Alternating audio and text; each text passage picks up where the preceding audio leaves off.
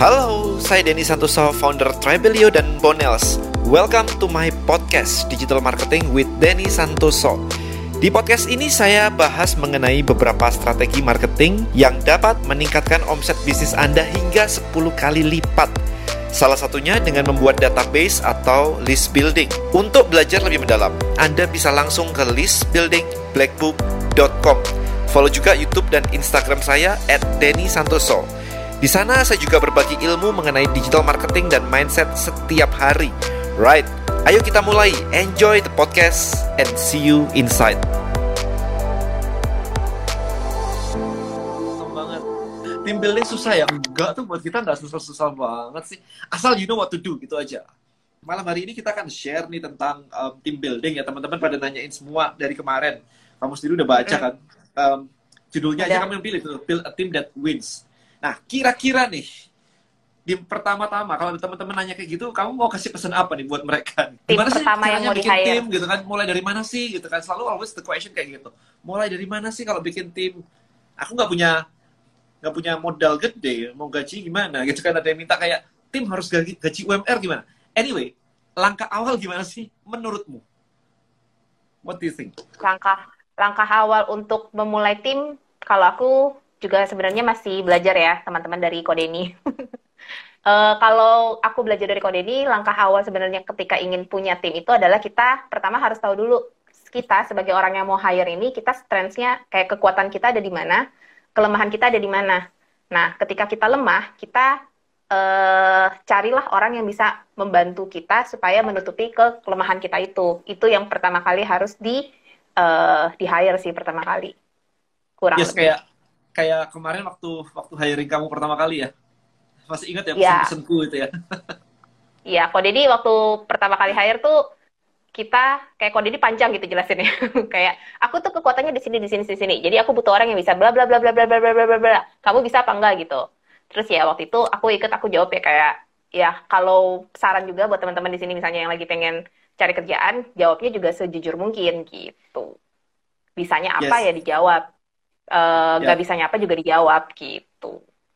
Kayak kayak kemarin aku bilang kan ke ke ke Weni kan kayak my my strength itu adalah di strategik. Jadi mikirin strategik, networkku juga lumayan kuat, tapi aku sangat-sangat lemah di operational. So I need someone yang bisa bener-bener kayak operational banget, yuk mecutin dan sebagainya gitu kan, manage tim dan sebagainya gitu. Karena aku nggak betah banget di situ, literally nggak betah banget. Itu jadi jadi Benny di awal tuh sudah tahu ekspektasinya. Aku tuh kayak apa sih? Bahkan kita kemarin tuh gimana men? Kamu nanya aku kalau marah gimana? The question dari dari hire. Iya, jadi ketika kamu juga di interview, misalnya kamu adalah orang yang akan diinterview, terus ketika kamu punya- pertanyaan apa pun, sebenarnya jangan juga malu bertanya sih. Jadi pertama kali aku diinterview sama Kodeni kan aku eh, kalau ada yang follower Kodeni lama banget gitu pasti tahu Kodeni lagi waktu itu bilang kayak saya lagi mau bikin perusahaan baru namanya Digital Conversion, terus saya lagi butuh PA gitu. Jadi aku pertama kali daftar eh, sama Kodeni itu jadi PA-nya. Nah, pikiran aku itu PA adalah kayak semacam sekretaris lah. Jadi kayak harus eh, bantuin bantuin schedule lah, bantuin semua-semuanya meeting segala macam gitu kan. Terus pas sampai di Kodeni kan dijelasin, oh ternyata eh, kerjaan PA untuk seorang Kodeni itu lebih dari itu gitu. Ada yang lain-lain lagi yang harus dikerjain. Dan aku tahu kayak aku bakal bakal eh, kerja bareng banyak banget kan sama Kodeni dan pertama kali yang aku tanyain, oke kakak, eh, kok gimana caranya kok menghandle eh, how do you how do you handle your anger gitu. Jadi kayak aku kan orangnya galak nih lumayan. Jadi aku juga mau tahu kayak Kodedi kalau misalnya marah-marah tuh seperti apa. Dan puji Tuhan waktu itu ada Civelin juga kan yang eh, hadir saat interview itu. Terus kayak Kodedi cuma jawab, tanya aja istriku, aku udah 8 tahun sama dia, kayak gimana aku marah gitu. Terus kata Civelin, 8 tahun gak pernah marah gitu kata dia. I'm quite stable guys. Jadi itu Iya. buktinya ya. Jadi ya ya ya kayak gitu. Jadi nanya-nanya itu it's okay ya. Ini pertama banget. Jadi Amin sharing ini adalah kalau Anda masih benar-benar sendirian. Jadi Anda benar-benar harus harus tahu. Problemnya gini, Ben. Banyak orang tuh nggak tahu dirinya sendiri gitu. Aku harus hire Hmm. apa gitu kan. Ketika kamu bilang kayak you have to know your strength and weakness. Mereka tuh kayak aku juga nggak tahu strengthku apa. Wah, ya udah kalau gitu weaknessmu adalah weaknessmu adalah kamu nggak tahu apa-apa tentang dirimu that's your weakness. Berarti harus dipelajari dulu. Iya. Ikut pelatihan apa kayak gitu. Kok pernah nggak? Kok bisa nggak pernah marah?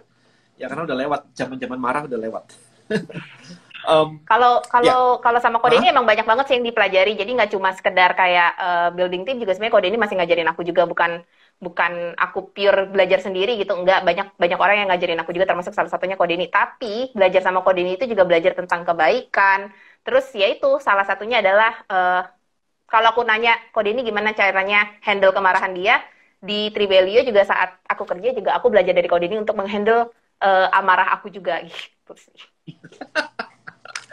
ya itu itu pertama ya teman-teman. Jadi intinya kayak gitu. Jadi buat saya sendiri I need someone uh, my yang disebut dengan PA saya itu bukan literally kayak sekretaris kayak begitu ya bukan kayak begitu. Tapi yang jadi my right hand gitu. Karena I know saya punya banyak hal di kepala saya dan saya butuh orang yang bisa barengin saya untuk eksekusi. Jadi itu dijelaskan di awal banget. I need this loh ya strength saya kayak begini. Bahkan ini kemarin sempat aku kasih apa tuh ya? Ini ada film bagus nih Ben. Kayak begini loh Ben ada namanya apa kemarin itu chief of staff gitu ya. Kalau di presiden kan namanya chief of staff gitu. Nah chief yeah. of staff itu kayak handle everything gitu kan. Pokoknya presidennya bilang apa dia handle everything. Mulai manage staff sampai semuanya gitu. Ya literally kayak gitu. Jadi bukan PA yang sekretaris yang gimana gimana bukan bukan kayak gitu so yeah. it's more bukan than kayak that, Devil ya bukan kayak yang film Devil Wears Prada gitu bukan. Lebih dari itu sih. Dan enaknya kode ini selalu kasih ekspektasinya gitu. Jadi kayak ketika mau kerja sama kode ini itu waktu itu aku inget banget satu bulan kurang lebih ya satu bulan sebelum aku kerja sama kode ini sebenarnya kayak aku udah udah kerja sama kode ini tapi by WhatsApp gitu. Jadi kayak kode ini udah kayak kayak kasih beberapa uh, apa ya kisi-kisi lah. Kayak nanti kerjanya ini ya Wen nanti kalau kayak gini ya nanti kamu harus baca ini ya supaya uh, kamu waktu itu aku dikasih buku bukunya itu dua buku tebel banget bahasa Inggris setebel ini.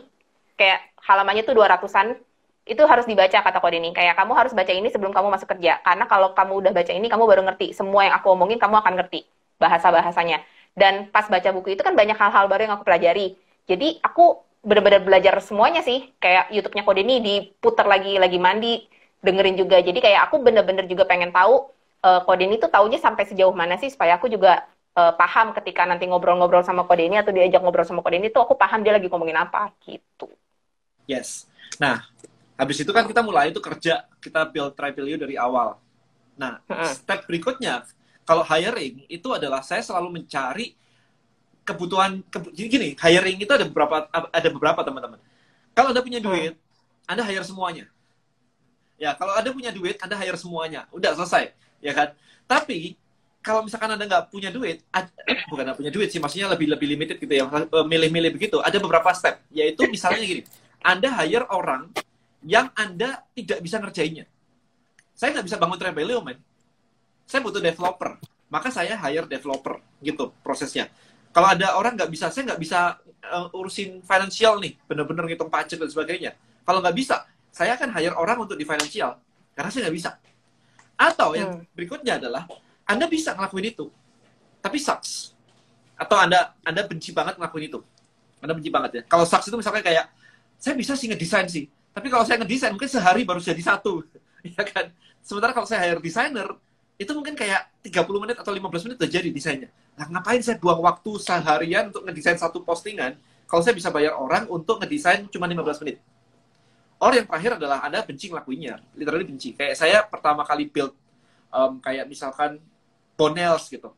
Um, atau sebelum Bonels yang lama-lama sih, yang saya di supplement company, itu hire-nya adalah admin, admin gudang maksudnya, warehouse, packing. Karena semakin rame, hmm. packing semakin nggak bisa ditinggal Nah kalau semakin ramai terus saya semakin di gudang, kan nggak mikirin bisnis ya, packing kan. Nah itu yang di hire duluan, habis habis uh, packing, habis warehouse, baru admin, baru admin. Karena sebelumnya kan warehouse, adminnya kita sendiri, saya sendiri yang handle, admin. Semua orderan masuk ke saya yang balesin, transferan saya ngecekin sendiri. Jadi stepnya adalah saya nggak sukanya di gudang dong, packing, shipping gitu. Jadi itu yang saya harus uh, pertama. Berikutnya adalah uh, uh, admin. Nah baru setelah admin selesai, apa nih berikutnya nih? Sales misalnya atau marketing gitu. So ada step-stepnya kayak begitu. Betul. Um, Jadi memang sebenarnya kalau misalnya mau ngomongin tentang hiring ya, kalau kita ngomongin hiring itu pertama yang pasti kita sebagai orang yang punya bisnisnya kita harus tahu bisnis model kita itu akan seperti apa. Nah, kalau kayak di Trebelio yang aku jalanin, yang aku alamin sendiri itu uh, benar-benar dari misalnya sama kode ini doang tadinya. Terus kayak nanti kode ini bilangin nanti nanti kita mau kayak gini kayak gini kayak gini. Jadi bisnis modelnya tuh jelas gitu kan. Kayak kita mau ngapain, kita mau ngapain dan kita harus hire siapa Jadi ketika misalnya bulan ini kita harus hire uh, orang sales. Nah, ketika orang sales sudah masuk, kita udah bikin planningnya segala macam, terus nanti di bulan keberapa kita udah pengen launching nih, berarti apa yang dibutuhkan? Oh, misalnya orang traffic gitu kan, berarti harus cari orang traffic. Nanti ketika orang traffic udah ada, terus kita lihat lagi kayak, oh ternyata dari segi uh, leads banyak yang masuk, berarti kita butuh uh, sort of kayak bantuin kita, bantuin uh, manage leads leads yang masuk ini gitu kan, berarti kita butuh siapa nih? Oh, butuh sales uh, sales sales sales team juga gitu kan yang buat bantu uh, closingin gitu kan misalnya. Ya udah berarti kita hire. Jadi kayak bisa bertahap juga sih. Kalau emang punya uang di awal ya bisa hire semuanya. Tapi kalau kayak kita kan waktu itu di Travelia memang ya bootstrap banget. Jadi memang harus dilihat kepentingannya itu di mana baru di hire satu-satu sesuai dengan uh, waktunya gitu bahkan kita sampai bikin kayak Benny Benny itu sampai bikin ini ya roadmap development ya. -mm. jadi roadmap hiring sorry roadmap hiring. Jadi di, di compare kita tuh development tuh kayak apa sih? Produk itu bakal kayak apa sih? Bulan ini bulan ini bulan ini itu kayak apa sih? Nah seiring dengan development produk kita ada hiring roadmap. Jadi kalau saat ini fase bulan Januari kita bakal butuh orang apa aja? Februari kita butuh orang apa aja? Gitu dibuat kayak begitu. Dikira-kira di, di planning namanya di planning nggak ada gimana-gimana itu di planning sih Iya, diestimasi kan. Jadi kita tahu kayak, oh kita tahu nih future kita akan seperti apa. Terus kita tuliskan kayak kita bakal butuh apa-apa aja. Ketika nanti itu udah ada, kan kita udah tahu nih, oh kita udah lihat, kita udah pernah listing, uh, listing uh, kita butuhnya ini, ini segala macam. Berarti udah harus dicari nih. Udah, ketika itu akan terlaksana, kita udah harus mulai cari nih. Nah, baru deh tuh mulai-mulai cari gitu. Jadi, jadi uh, semuanya apa ya? Kalau bisa sih rapih gitu. Iya, jadi bisa tahu kayak oh kalau produknya kayak begini, lakunya segini, berarti cost untuk tim pun segini. Kita ada ada hitungannya semua kan kayak gitu.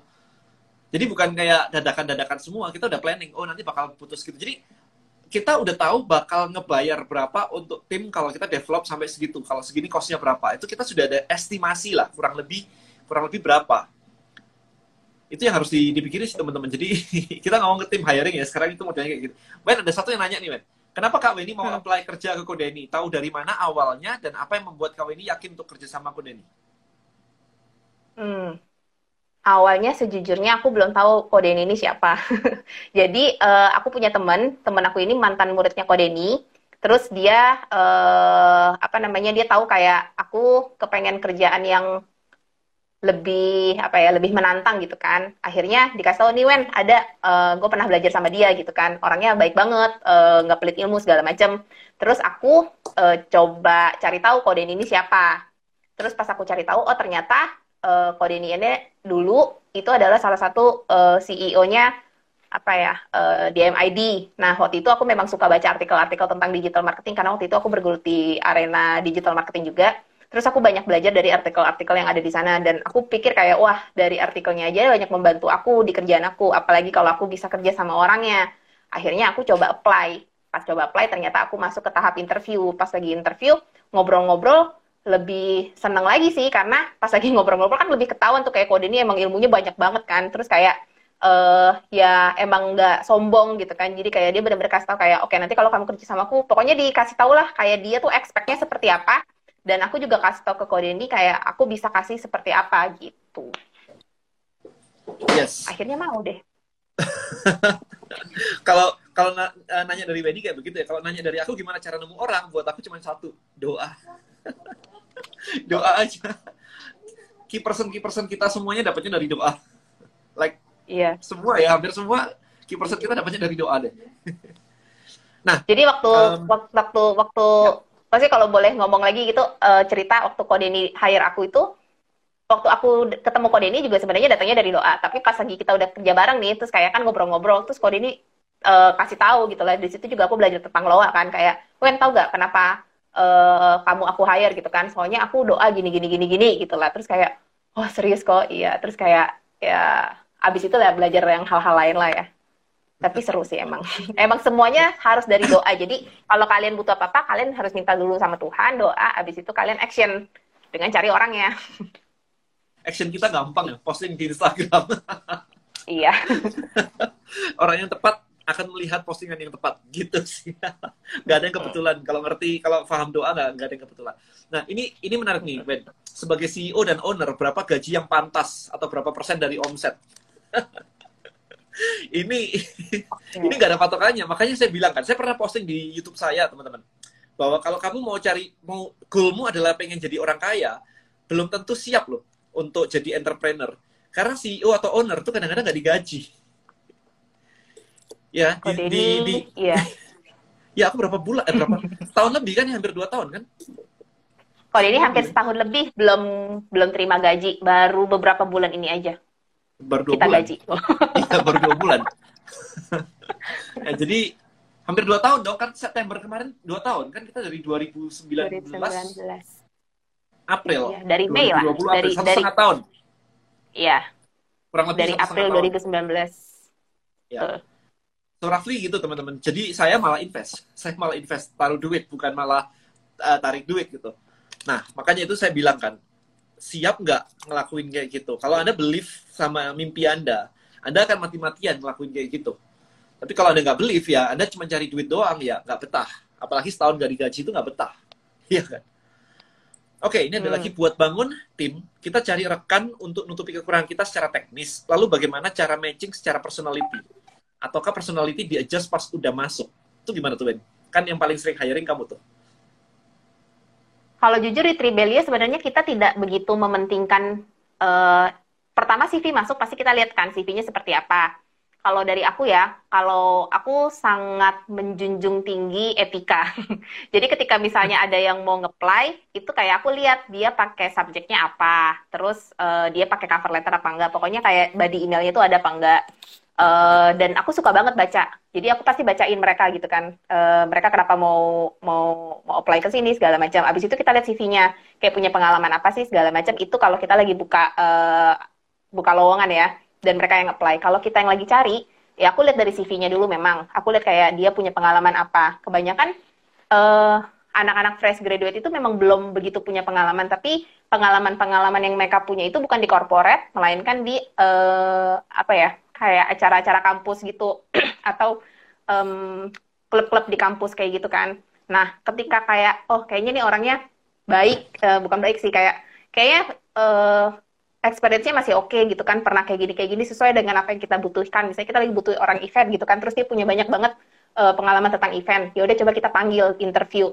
Nah, ketika interview itu eh yang kita tanyain adalah hal-hal yang pengen kita kasih kerjaan ke dia gitu. Apakah dia bisa menghandle itu apa enggak?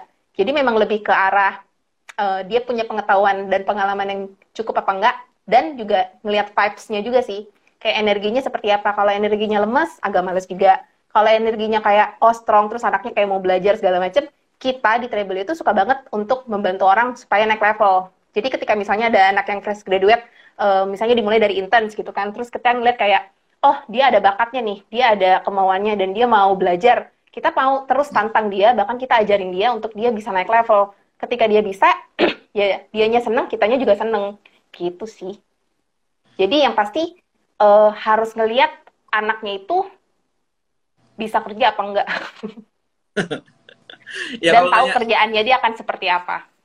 Kalau ngomongin etika memang Benny strict banget sih. Kalau Anda WA dia tanpa subjek yang jelas gitu ya, tanpa perkenalan diri yang jelas, gak bakal dibales. Tuh. ya jadi kayak gitu. Um, nah, Wen, untuk nentuin SOP gimana, Wen? SOP. Ini sebenarnya learning by doing. Jadi eh, aku juga banyak belajar dari teman-teman yang kerja di HR, terutama kan kalau ini juga punya Bonels. Nah, di situ ada HR-nya. Nah, aku juga banyak eh, banyak ngobrol sama HR-nya how to create a great SOP gitu kan. Terus juga tanya-tanya sama banyak orang lah yang kerja di eh, bagian operations gitu kan. Eh, SOP yang pasti adalah kita harus tanya dulu sama Kodeni gitu kan. Goalnya ke depan tuh seperti apa. Ketika kita udah tahu goalnya seperti apa, kita tahu nih per divisi ini harus eh, harus dikasih KPI seperti apa. Nah, ketika KPI-nya udah tercapai, KPI itu Key Performance Indicator. Jadi misalnya kalau ngomongin sales ada target. Nah, untuk mencapai target itu kita harus ke apa aja. Nah, SOP-nya itu akan dibikin dibikin eh, sesuai dengan apa ya? Sesuai dengan dengan dengan company-nya kita masing-masing ketika kita ngomongin sales, misalnya kan aku bagian eh, bagian operations, pasti ada head of sales juga kan. Kita harus ngobrol sama head of sales-nya juga untuk kasih tahu kayak oke kita punya strategi kayak gini. Kalau misalnya kita bikin kayak gini, kayak gini, kayak gini, kayak gimana? Misalnya meeting eh, kapan, eh, report kapan, segala macam kapan dan itu semuanya tertulis. Kalau sekarang itu yang kita gunain sih kita menggunakan teknologi. Jadi kita bisa pakai Google Sheet, kita bisa pakai Google Slide, kita bisa pakai Google Docs segala macam buat di sharingin sama teman-teman sih. Gitu. Ya, jadi kayak begitu. Kalau nanya SOP jangan nanya saya. Hate operational. I love yang pasti SOP itu, mm, yang pasti SOP itu dibikin supaya mereka semua ngerti uh, harus kerjanya seperti apa. Misalnya ada ada ada ada taruh beberapa dokumen aset lah gitu kan. Nah asetnya ini gimana biar bisa di share ke semua orang, tapi rapi gitu kan. Bisa misalnya pakai Trello atau kita bisa taruh Google Drive kayak gitu sih. Ya. Yeah. So, um, gimana Ben? Kalau misalkan gini, uh, what is the interaction ya dari dari aku ke tim gitu. Kadang-kadang teman-teman tuh pengen tahu gitu, what is the interaction gitu. Jadi kalau kalau kayak aku tuh kayak apa ya? Aku tuh ngarahin gitu loh, teman-teman. Supaya gini, karena pertanyaannya gini Ben, karena teman-teman di di luar sana ini pengen hiring tim, tapi mereka sendiri tidak tahu how to lead the team. Gitu. Jadi tadi kan Wendy juga udah ceritainnya ada yang nanya Wendy itu siapa? Wendy itu tim saya kalau nomor induk di company itu nomor dua gitu ya nomor satu saya nomor dua dia gitu jadi dia first hire men jadi yang saya hire hmm. pertama kali ketika saya bangun Travelio itu dia gitu nah jadi um, saya itu lebih banyak ngarahin. Jadi kita tuh bawa company itu mau mau ke mana? Jadi ketika ngobrol sama Wendy di awal-awal banget ingat gak aku bawa kayak dokumen itu banyak banget tuh. Kita mau build kayak begini loh. Ini menjadi benchmarknya kayak begini ingat, semuanya gitu kan. Ya. So yes itu itu udah kayak kayak roadmapnya company yang ada di kepalaku itu sama benchmarknya kompetitornya siapa itu udah aku kasih nih aku mau build something like this. Jadi mimpinya itu udah udah keluar duluan. Jadi dia tahu gitu kan. Dan teman-teman yang lain, eh, tim-tim yang lain itu udah bener-bener kayak oke okay, tahu gitu kita mau ke mana. Kita share semuanya. Mm -hmm. Jadi nggak dipisah-pisahin. Kita kayak one big family gitu. Bahkan Benny tiap hari minta check in check out tuh jam 9 pagi sama jam 6 sore. ya kan? Supaya ini kan ketemuan gitu apalagi WFH kayak begini Iya, biar nggak bosen lah di rumah kan kayak cuma ketemu laptop kan, mungkin cuma di kamar doang gitu. Jadi kita emang uh, salah satu SOP baru yang aku jalanin beberapa bulan kemarin itu adalah kita ngadain check in check out juga. Jadi check in setiap jam 9 pagi. Kita kalau masuk kantor kan masuknya jam 9. Jadi jam 9 kita datang uh, di online. kalau sekarang di online gitu kan semuanya.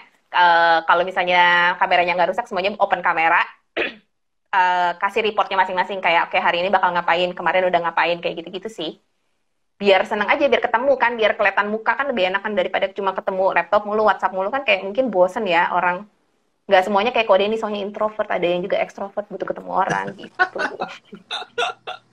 Iya, aku suka banget sih. WFH begini enak banget buat aku. nah, ini kemudian apakah Kudeni sangat exciting dalam pekerjaan dalam konteks punya tuntutan yang tinggi, great demand on one skill, attention and other resources. What do you think, man? Aku exciting with my my my ini semua my business sih. Iya.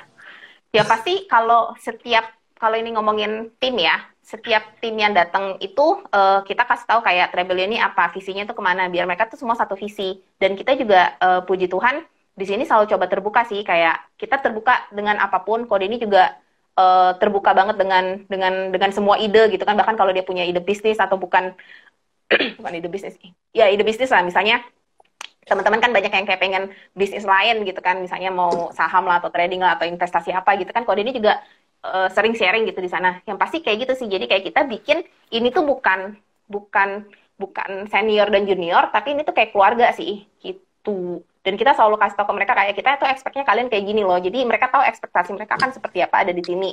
Karena nggak ada orang yang nggak pengen maju lah aku rasa. Jadi semua orang pengen maju. Jadi itu yang harus dikasih tahu sih ke tim dan kalau misalnya iya. ngomongin yeah. um, apa namanya uh, apa biar biar mereka gimana nggak nggak bosen ya uh, gimana ya biar mereka nggak bosan ya pasti itu sih kayak kita selalu jujur kita lagi kondisinya seperti ini. Kalau mereka bertahan uh, bertahan berarti kan mereka memang cocok buat kita gitu. Kemarin ada yang nanya, men, kayak apalagi during WFH kayak begini ya, during WFH kayak begini kan kita nggak ketemuan di kantor begitu kan. Kalau misalkan hmm. nih, kemarin nanyanya ke aku sih, how your team bisa ngasih feedback ke aku? I think kita eh, fan-fan aja ya, kamu kasih feedback ke aku ya langsung bilang aja gitu kan. Iya, jadi kalau ada tim baru nih misalnya, kita baru ada tim baru sebulanan nah, gitu. Gini, enggak, Ben. Maksudnya ke, ke aku, Ben. In, in person gitu. Maksudnya kayak aku in person. Iya. Dan satu saja gitu, dikasih feedback gitu. Iya, iya. Jadi jadi kita kita tuh selalu feel free aja untuk kasih feedback ke kode ini. Jadi misalnya aku mau cerita, kita lagi ada tim baru nih, empat orang masuk gitu kan. Terus mereka kayak suka ketakutan kayak e, ngomong aja langsung ke kode ini gini gini karena kita masukin mereka ke grup kan. terus mereka kayak suka ketakutan. Terus kita selalu bilang nggak apa-apa kalau misalnya memang ada apa-apa ngomong aja sama kode ini langsung. Kalau ada dari mereka yang nggak berani, mereka sampaikan ke kita. Misalnya mereka sampaikan ke aku, aku bakal sampaikan juga ke kode ini langsung saat itu juga gitu sih. Jadi sebenarnya kita nggak ada yang dirahasiain atau nggak ada yang di apa ya? Uh, apa sih jatuhnya? Kayak nggak ada kasta-kasta yang gimana banget gitu kayak harus datang ke aku dulu terus baru ke kode ini enggak sih. Kode ini tuh bener-bener feel free kalau misalnya mau kasih feedback apa pun ke kode ini kayak kode ini misalnya kasih ide guys gini gini gini gini gini. Terus kita kayak mau komplain kayaknya kurang deh kok. Harusnya kayak gini kayak gini tuh langsung ngomong juga gitu. Bukan yang kayak ketakutan uh, bukan ketakutan sih. Kita di sini nggak ada yang takut sih bukan maksudnya nggak ada takut dalam bukan bukan tanda kutip jelek ya tapi maksudnya kita benar-benar dikasih kebebasan sama kode ini untuk menyuara, menyuarakan pendapat kita. Ya yeah, any any idea is okay sih. Uh, uh, you know kayak kalau saya mikir sendirian tuh capek gitu loh. Kita hire tim itu gunanya apa sih? Kita mikirnya kepalanya jadi banyak. Jadi kan enak tuh. Ada ide dari mana-mana kita open banget sih. Kecuali kalau misalkan hal-hal yang prinsipal sih ya. Kalau hal-hal yang prinsipal saya bisa langsung ini sih um, take decision langsung sih kayak itu nggak mau karena ini gitu. Itu reasonnya clear gitu kan. Tapi kalau misalkan nggak yang gimana gimana I'm very open sih. Nah terus ini gimana? Hmm. cara paling efektif untuk maintenance culture dan kinerja tim. Oh sorry ngomong kinerja tim duluan Ben. Sering kan kalau misalkan aku tahu-tahu bilang kayak si ini kayaknya kurang deh. Yang ini kayaknya kurang greget deh. Yang ini kayaknya lebih slow deh. Yang ini kayaknya ini deh gitu itu kan sering kayak begitu juga kan. Jadi menjawab pertanyaan yang sebelumnya sih bahwa aku juga demand performance bukan masuk terus jabatan itu ya udah gitu kan. Karena dulu kayak begitu aku. Ya udah pokoknya jabatannya terisi orang sales ada orang ini ada orang konten ada. Sekarang enggak sih. Kalau kayak kita cepet. bikin KPI sih sebenarnya. Kayak KPI-nya uh, eh, targetnya apa ya kan? Uh, dibikin indikator-indikatornya. Kalau aku sih bikin ada bikin kayak gitu ya. Jadi kayak indikatornya misalnya kalau sosmed uh, misalnya nih IG live eh sorry sorry IG fit gitu harus berapa kali posting dalam sehari. Terus ada kode ini kalau misalnya kita ngomongin sosial media ya, kode ini kan sosial medianya banyak tuh. Nah, itu tuh uh, dilihat gitu kayak YouTube harus upload hari apa hari apa. Terus uh, Twitter gimana, Facebook uh, page kayak gimana di Tribe juga kayak gimana misalnya. Nah, itu semuanya ada ada checklistnya. Itu tinggal di checklist saja. Kalau misalnya banyak yang tidak terchecklist ya berarti performance-nya kurang kayak gitu. Termasuk itu ini ya, kalau misalkan data. bikin kalau misalkan bikin video gitu kadang-kadang tim minta aku bikin video spesial khusus. Kalau sampai aku nggak bikin, mereka tuh bisa ngingetin langsung kayak ini udah dibuatin belum? kayak gitu. Mm -hmm. Di, di di tag lagi ke saya gitu kan. I mean it's okay gitu karena oh, saya juga grup banyak banget kan.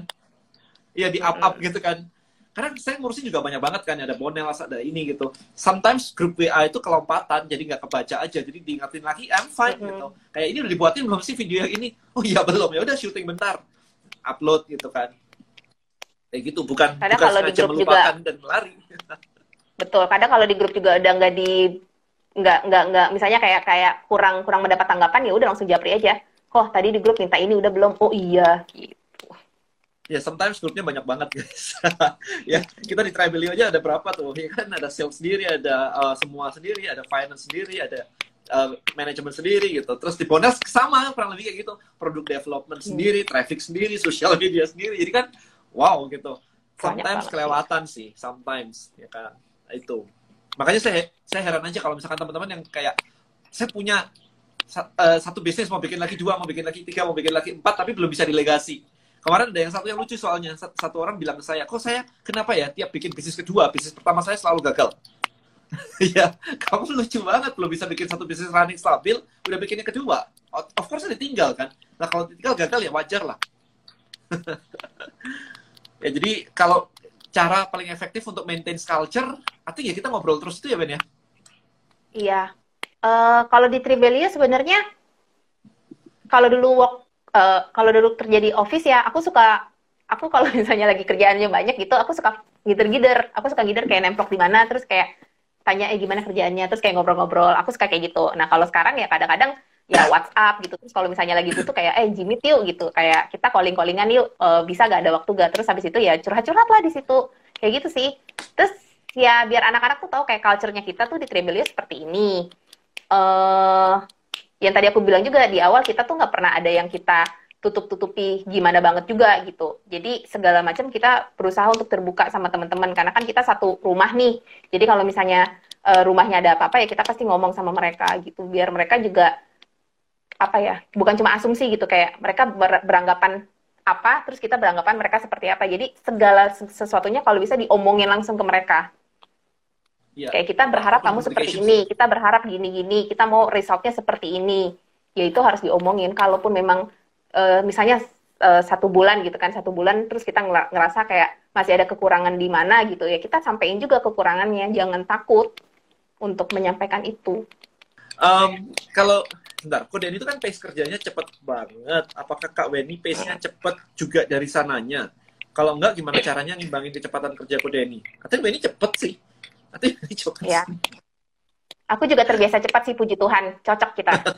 cepet, gak ada masalah. Aku pernah punya pengalaman uh, kerja di luar, by the way.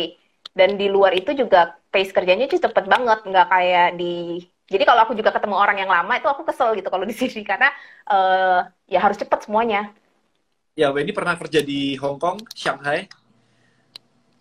Ya, uh. jadi pace-nya beda banget sama di sini. Jadi udah udah cocok banget lah. Emang cepet sih. Iya. Dan teman-teman yang ada di Tribelnya juga kerjanya cepet sih. Kalau ada yang lama-lama, pasti kita omongin kayak, ini kelamaan. Iya, ini kelamaan. Iya. Wen, bakat dulu atau kemauan dulu? Hmm, kemauan kalau aku. Iya, kalau di tempat tempat kita kayaknya kemauan deh, karena karena kita hmm. bukan bukan apa ya sekolah musik yang bakat-bakatan gitu loh. Gak ada namanya anak baru lahir terus jago-jago marketing gitu kan. Even saya aja belajar public speaking, nggak ada bakat introvert lebih suka di rumah. Saya di rumah lebih suka sih. Ya kan? Tapi karena dilatih terus lama-lama jadi biasa. Mau mau nggak biasa gimana? Terus tiap hari juga bikin video. Ada yang bilang bikin video susah ya? Saya udah bikin YouTube video 600 men. Jadi kalau anda udah ngelakuin 100 udah merem lah. Ngomong itu udah merem. Gitu. Um, bagaimana cara menentukan nilai pendapatan atau sistem gaji yang kita berikan pada karyawan yang pantas? Ada benchmarknya sih sebenarnya ada benchmarknya lah bisa bisa di Google gitu kan bisa dilihat juga. Sama uh, banyak ngobrol sama teman-teman yang punya posisi yang sama plus disamain dengan uh, kondisi keuangan kantor. Ya. Itu sih. Jadi nggak bisa nggak bisa kayak oh CEO itu harusnya 20 juta atau oh CEO harusnya 200 juta. Men ada CEO 20 ada CEO 200 ada CEO nggak dibayar gitu loh. Jadi ya. anda harus tahu kapal anda kayak apa. Ini mau ke mana? Kalau nggak sama, visinya nggak sama, satu cari duit, satu cari visi, ya nggak jadi. Karena nggak bakal dapet. Karena ngebangun something pasti di awal pasti struggling bareng-bareng. Udah pasti itu. Iya kan. Kalau kalau mau yang langsung stabil ya masuk corporate gede langsung stabil. Tapi anda nggak ngerasain bangun dari nol, nggak tahu. Begitu ada keluar dari corporate yang gede-gede banget, kemungkinan anda juga nggak bisa start dari nol karena nggak tahu caranya gitu aja. Nah kalau di, di kita kan memang dari nol, kita tahu gimana caranya dari nol. Susahnya kayak gimana, ngeprospek orang kayak gimana. Market riset coba deh. Wendy itu nemenin saya market riset teman-teman karena dia first hire saya. Ini si Andrew bilang kalau di kapal Wendy itu first meet. Setiap makan siang, kayak imagine guys, setiap makan siang dengan customer, dengan prospek, dia ikut. Jadi tahu sendiri lah, tiap hari kan, kita ketemu ngobrol. Prospek, Rebelio kayak apa, Rebelio kayak apa, what do you need from uh, social media platform, kita selalu nanya kayak begitu. Nah, Wen ini yang nemenin dari awal. Pokoknya aku ingat juga hari pertama aku masuk itu, Kode ini udah bawa tim beberapa dari perusahaan dia yang lain, dikenalin ke aku, terus dikasih tahu kayak ini, ini, ini, ini, ada Civele juga kan. Terus dikasih tahu aku punya adik ini aku punya ini mamaku ini papaku ini. Terus kayak langsung Felin tolong kasih tahu ya semua nomor-nomornya tolong tolong kasih kasih ini. Jadi kayak aku memang harus belajar cepet juga jadi kayak aku tulis semuanya banyak terus kayak oh ya menganalisa ini. Oh ya ini si si bapak ini misalnya dari perusahaan ini. Oh si ini si bapak ini dari perusahaan ini. Karena dikenalin kan. Intinya kayak long story short aku bilang sama Kodidi aku kerja sama Kodidi tiga hari aku udah kayak kerja sama dia tiga tahun kayak udah kenal gitu kayak udah terbiasa gitu dengan dengan cara kerjanya Kodeni gitu sih. Terus? Terus? Even as a, as a, iya as a PA sampai kelaparan. As a PA pertama juga kayak harus tahu aku sudah makan apa. Iya betul. Kayak dari kasih tahu kayak kode ini sukanya ini nggak sukanya ini. Awal-awal kayak kalau misalnya lagi ke restoran kan kayak kode ini aku belum tahu kan kode ini terbiasa seperti apa. Jadi waktu dulu masih ada ditemenin sama Civelin juga jadi kayak ngelihat juga uh, kayak misalnya ke restoran ini oh kok Denny tuh sukanya ini Wen gitu oh iya iya ya udah lama kelamaan udah tahu deh sampai aku yang pesen juga kadang kayak nggak mau ganti menu. ganti restoran oke okay lah. iya, karena kode ini setia banget. Kayak sama makanan aja setia banget, apalagi sama pasangan. Itu di depan senyum-senyum tuh soalnya. um, kenapa Kodeni milih Weni in the first place? Apa pertimbangan-pertimbangan krusial yang membuat Kodeni yakin this is the right one? Dan apakah posisi Weni pernah berubah sejak dari awalnya? Nggak berubah sih, bertambah ya. Kerjanya tambah yeah. banyak. pasti kayak begitu saya. Saya pasti kayak begitu. Jadi dari dari tim-tim yang lama juga pasti tahu style saya kayak begitu. Uh, leadership saya kayak begitu. Cuman kali ini saya lebih lebih ikutan lah ya, lebih ikutan. Kalau sebelum-sebelumnya saya nggak nggak ikutan gitu. Kalau ini saya lebih ikutan.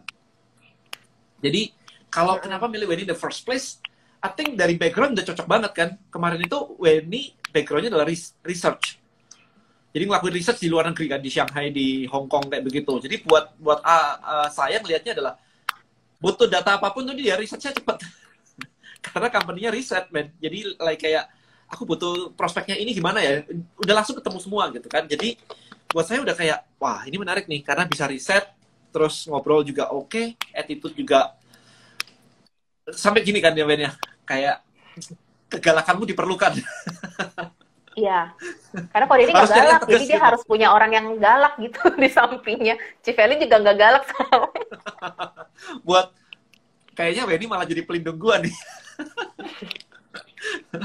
Bagian galakin gitu kan. Jadi memang butuhnya kayak begitu. So I know what I want gitu. Itu yang pertama sih I know what I want. Kemudian nemunya ya udah dari dari doa. Kemudian Benny tahu-tahu kontak. Habis itu ngobrol sebentar kita ketemuan. Kayaknya bisa sih ini kayaknya attitude-nya oke okay, mau belajar dikasih ini juga responnya cepet. Apalagi kalau di WA kalau misalkan di WA nggak cepet itu nyebelin banget sih. Apalagi kalau pertama kali ya baru kenalan habis itu di WA kayak lama banget gitu kan. Nah itu tektokannya lumayan sih. Ya udah waktu itu. Karena backgroundnya udah clear ya. Backgroundnya udah clear semua sih. Bukan yang backgroundnya random banget karena ada beberapa yang apply juga waktu itu dan randomnya masih eh, backgroundnya masih bener-bener kayak baru lulus apa gitu kan. Kalau baru lulus dan sebagainya balik lagi saya mikirnya saya ngomong ini. Hmm. jadi aku yang ngomong nih kayak terlalu banyak ngajarin yang urusannya mindset attitude etika kayak gitu-gitu. Sementara itu harus harus ada duluan di awal. Jadi tinggal ngajarin digital marketingnya strateginya udah enak kalau kayak gitu gak ada masalah. Iya Um, nyari ada. orang biasanya di mana? Pakai job street atau apa? Tergantung ya, Ben. Banyak. Dari mana aja biasanya? Iya. Banyak sih tuh. Ba banyak banyak channel sih bisa dari uh, kalau ngomongin tentang profesional pasti bisa cari di LinkedIn. Kalau misalnya carinya kayak uh, misalnya yang baru-baru fresh graduate bisa ada ini nyebut merek boleh ya bisa ada Glints bisa ada uh, banyak sih yang kemarin apa ya yang paling sering sebenarnya aku pakai Glints sih yes pakai Facebook group juga ada. Mm -hmm. um, beberapa pakai Instagram dari... sebenarnya yang paling paling paling ampuh di Tribelio sebenarnya Instagramnya Kodeni sejujurnya. Ya key person kita semua dari Instagram. Ya literally key person sampai intern intern yeah. semua dari Instagram. Like literally yes itu dari Instagram itu cukup powerful. Wendy ini apakah Namira? Bukan. Namira Namira kayaknya perlu ditampilkan di publik ya. Dia pitch night yeah. soalnya Ya, Boleh kapan-kapan ajak Mia live. Iya, iya. Jadi gitu teman-teman. Um, saya nyarinya di di banyak tempat. Cuman key hire saya kebetulan kok ketemunya ya di Instagram terus gitu. Iya. Um, Beda-beda sih tergantung tergantung kebutuhannya apa. Kalau misalnya carinya kayak uh, interns misalnya buat buat uh, buat apa ya? Mau mau dimulai dari interns dulu bisa cari yang uh, dari tempat-tempat yang tadi aku sebutin. Tapi kalau misalnya udah carinya levelnya yang butuh beberapa pengalaman gitu, uh, carinya tempatnya juga beda. Kalau misalnya mau cari bagian IT itu juga beda lagi tempatnya bukan bukan di LinkedIn juga, bukan di uh, Glints juga. Kebanyakan kalau Glints yang buat fresh graduate ya, bukan di job street juga, tapi ada lagi tempat lain yang misalnya lebih bagus. Itu beda-beda sih sebenarnya. Ya, ini dari Cijeni nih, head of operational itu kualifikasi mandatorinya apa ya? Tipe kepribadiannya, tes awalnya gimana? Nemunya di mana, KPI-nya apa aja? I think background ini ya Ben ya, operational pernah pernah handle operational apa gitu. Karena even misalnya kayak gini, misalnya ya, saya di Tribelio, terus ketemu orang yang head of operational di FMCG company. Urusannya beda loh. Ya kan? Di hmm. internet company sama di FMCG itu urusannya beda lagi nanti. Nanti di orang yang event, beda lagi. Orang yang training company, itu beda lagi. Jadi memang benar-benar kita mencari sesuatu yang apa ya? Kalau kalau saya ketemu Wendy itu kebetulan sih, kebetulan kayak oh ini cocok dan Wendy bisa untuk untuk apa ya jadi jadi mak-maknya tim itu bisa gitu. Ngurusin. Ya kan? Operational tim itu bisa karena kayak begini. Tapi kalau misalkan um, beda lagi mungkin beda lagi. Wendy juga punya hmm. pengalaman di retail juga sih sebenarnya. Iya. Gitu. jadi ada lagi nggak Ben? Um, tes, ke, tes kepribadian atau apa gitu tes awalnya gimana tuh? Kalau tes kepribadian di Tribelio uh, pas lagi hiring sih sebenarnya belum. Tapi nanti di 2021 memang udah ada. Aku udah sampaikan juga kepada tim. Uh, cuma pengen tahu aja kayak pribadinya masing-masing. Kan sebenarnya aku udah punya asumsi gitu kan. Udah ngeliat dari cara kerjanya mereka dari cara ngobrol sama mereka. Tapi aku pengen aja mm, pengen aja pengen aja suruh mereka atas kepribadian gitu. Tapi kalau yang head of operations dan segala macam sebenarnya aku lebih seneng kalau dari aku ya aku lebih seneng kayak aku tahu dia bakal kerjain apa. Itu yang aku tanyain jadi kayak kamu punya pengalaman apa, kamu bisa gak kerja ini. Aku suka kasih case study juga. Kalau misalnya kayak gini, kayak gini, kamu akan seperti apa. Kita lihat jawabannya seperti apa. Kalau misalnya jawabannya oke, okay, uh, eh, bisa dikasih checklist lah kayak oke okay, nih anak bisa dipertimbangkan gitu. Tapi kalau jawabannya juga nggak yang gimana banget, berarti ya susah juga kayak gitu sih. Aku lebih seneng makanya kayak kalau interview tuh aku banyak banget nanya karena ya aku pengen tahu uh, dia itu akan kerja seperti apa. Karena kalau misalnya kamu interview cuma jawabnya dikit-dikit, ya ketika kerja terus uh, apa namanya ketika kerja terus udah diajarin segala macam dan ternyata tetap ternyata nggak bisa kerja itu akan buang-buang waktu lebih banyak lagi kan. Jadi kenapa nggak kamu luangin waktu untuk interview dan tanya-tanya mereka ini kandidat para kandidat gitu kan lebih lama supaya kamu tahu mereka lebih dalam uh, dan ketika kamu hire itu orangnya pas banget. Yes termasuk kayak kalau misalkan hire posisi-posisi tertentu begitu kita mintain misalkan kayak um, apa ya kita sometimes minta kayak can you create business plan? Can you create something kayak gitu? Kalau posisi-posisinya memang benar-benar yang strategik banget ya kayak head of, of operational gitu atau um, COO mm. or something kayak gitu kita benar-benar minta kayak kamu masuk itu bakal ngapain sih? Kamu bakal kita mengubah tes. apa nih? Apa yang kamu improve nih? Gitu kita yeah. benar-benar nanya. Jadi dia pernah nggak ditanyain kayak begitu mikirnya kayak apa? Kita lihat strategi mikirnya dia kayak apa.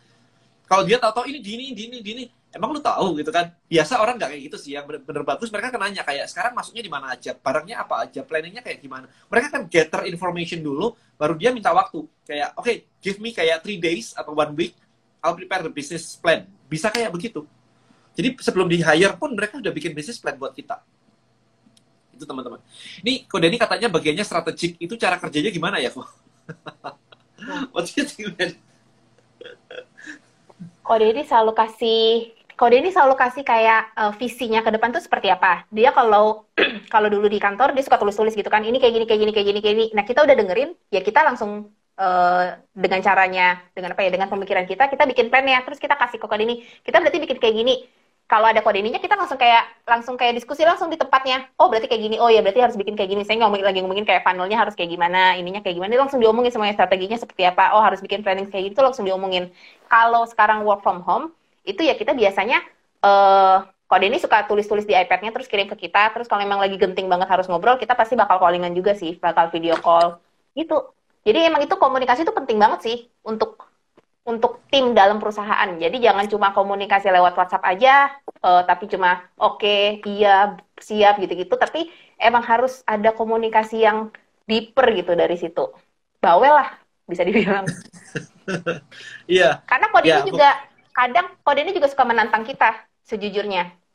Kayak dia lihat postingan apa nih, dia nggak nggak nggak nggak kasih pertanyaan apa pun, dia cuma kirim doang. Lihat uh, kirim ke grup aja, terus kayak ngeliat anak-anak bakal berkomentar apa ya gitu. Terus kalau udah ada komentar baru dikasih pertanyaan, emang menurut kamu itu apa? Terus kayak ngomong-ngomong-ngomong-ngomong-ngomong. Nah dari situ kode ini juga sebenarnya menggali uh, pribadi masing-masing dari kita sih. Kayaknya gitu ya kan kok? ya, I believe my team sudah punya otak yang bagus-bagus. gitu aja. Jadi diumpan dikit itu udah langsung nyambung gitu lah. Bukan yang on-on yang diumpan dikit terus habis itu bengong gitu enggak. Meskipun kadang lama balesnya gitu ya. Cuman besok pagi udah pasti balas gitu kan uh, pagi-pagi udah pasti balas karena ada ada jam check in gitu. Jadi um, saya melempar kayak gitu-gitu, melempar ide. Kadang-kadang saya suka coret-coret di iPad. Jadi, saya nonton Netflix all the time. Jadi waktu nonton itu saya bukan nonton, saya kerja sebenarnya karena ambien saya yang saya cari itu bukan di coffee shop dengerin orang buzzing around, tapi ambien saya kerja itu adalah dengan nyalain Netflix. ya that's my habit aja gitu. Tapi habis itu saya design something. Kayak saya bikin video YouTube lah. Saya banyak coret-coret kayak begitu. Saya foto saya kirim ke tim. Saya foto saya kirim ke tim. What do you think about this? Funnelnya kayak begini. What do you think about this? Lempar ke, ke tim. Itu yang saya lakukan setiap hari sih. Dan strategik itu kayak nentuin nentuin arah perusahaan itu mau ke mana sih? Nentuin arah perusahaan mau ke mana? Nentuin kayak oke okay, revenue stream kita dari mana ya? Sometimes kayak saya men-challenge hal-hal tertentu misalkan kayak begini. Teman-teman pernah nggak sih bisnis omsetnya itu sama gitu? Exactly kayak the same gitu omsetnya. Itu terjadi di beberapa company saya sebelumnya juga. Jadi omsetnya itu sama. Jadi nggak naik nggak turun. Kayak stabil gitu aja. Ya naik turun gini, gini dikit lah gitu kan. My question was like kayak kenapa sih omset tuh segitu? Kenapa angkanya itu gitu? Misalkan let's say kita ngomong misalkan anda omset 20 juta gitu. Kenapa angkanya selalu 20 juta tiap bulan? That's the question. Kenapa kalau 20 juta sebulan harusnya setahun itu kan 200 juta ya. Berarti kalau semua orang ini sebenarnya dikumpulin jadi satu, disuruh beli dalam sebulan, harusnya bisa dong. Tapi kenapa harus dicicil sebulan 20 juta? Kenapa nggak sebulan 200 juta, habis itu libur deh semuanya gitu. Something kayak gitu lah teman-teman. Itu itu saya challenge gitu. Why? Apakah karena something? Apakah karena mindset kita? Oke, okay, kalau sudah 20 juta, hore kita nyampe, habis itu kita start new month atau apa? Itu itu kayak gitu saya. Nah, habis itu misalkan, oke okay, kita perlu cari revenue tambahan nih. Dari mana nih? Bentuknya apa nih? Oh, oke okay, kita create, misalkan kita create LBM. Itu kan baru-baru aja LBM. Atau kita create apa lagi nih? Kita partneran dengan siapa nih? Nah, habis itu tim jalan sendiri. Jadi bukan saya ngurusin kayak kayak partneran dengan siapa, mau kontak sama siapa, campaign apa. Itu sudah ada timnya yang yang akan menggodok. Oke, kita bakal ini ya. Bahkan saya yang di brief nih. Kalau nanti kolaborasi sama orang ini, poin-poinnya ini, ini, ini, ini, ini gitu itu udah tim hmm. sendiri, jadi mereka udah bagus banget, udah jalan.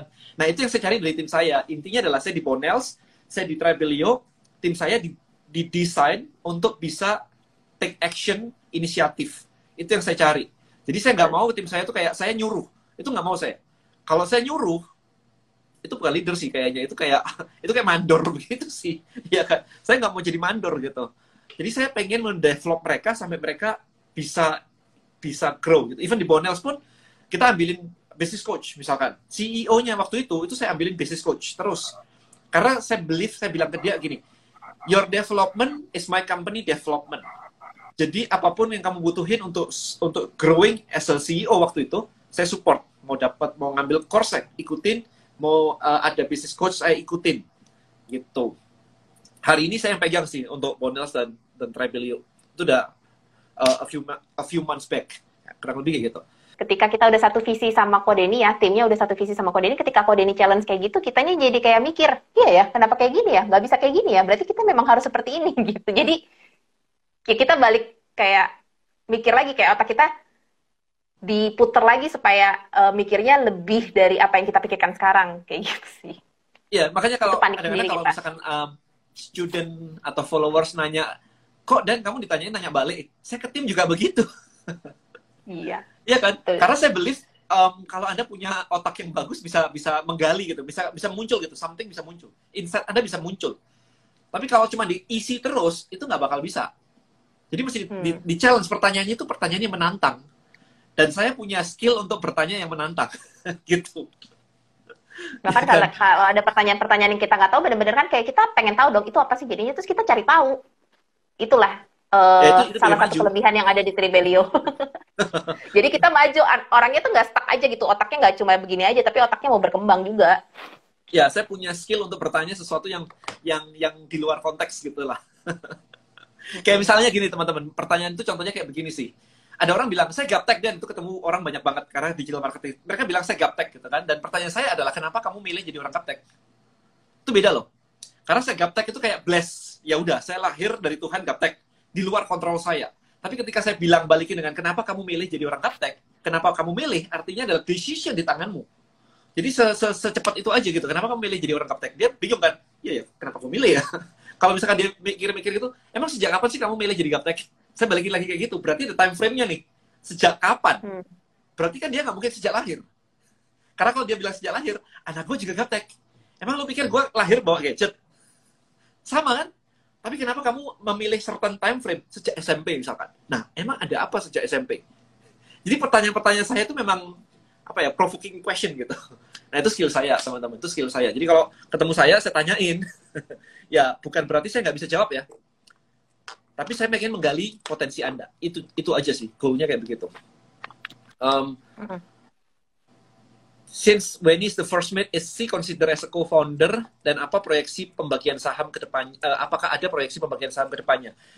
Saya planning sih kalau misalnya nanti um, ini belum belum ada gimana gimana tapi planningnya sih semua akan dapat sih. Semuanya nanti. Ya Mm-mm.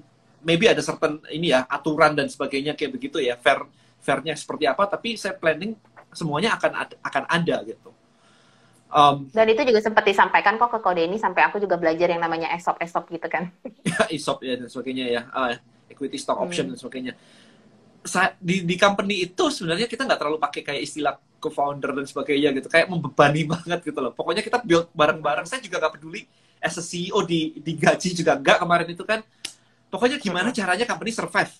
Structure itu Mm-mm. nomor sekian. Itu kalau saya. Maksudnya itu culture saya. Ya jadi bukan ini yang benar atau salah teman-teman ini yang kita lakukan aja strukturnya kayak begitu jadi nggak terlalu yang gimana-gimana itu sih jadi benar-benar nggak ada kita lebih kayak ke horizontal sih sebenarnya memang ada layering tapi bukan untuk layering yang kayak kasta-kasta yang dibilang tadi sih sebenarnya sih Iya, nggak ada sih. Kita benar-benar keluarga banget di sini. Kita cukup disiplin, tapi kita juga cukup fleksibel. Asal semuanya tahu diri aja sih.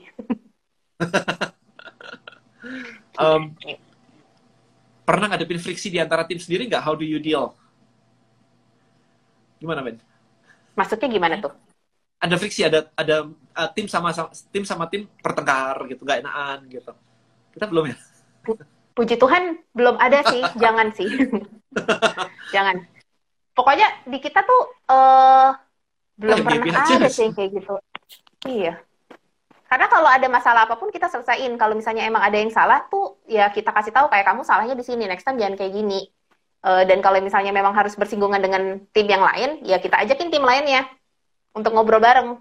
Kayak gitu sih. kayaknya kita nggak pernah yang serius gimana gimana ya baik-baik aja ya nggak ada kayak gosip kita tim Iya, udah berapa kita sih kan tidak. 20-an kita 20-an di 23. Rebellion. yang internal 23 20-an sekarang.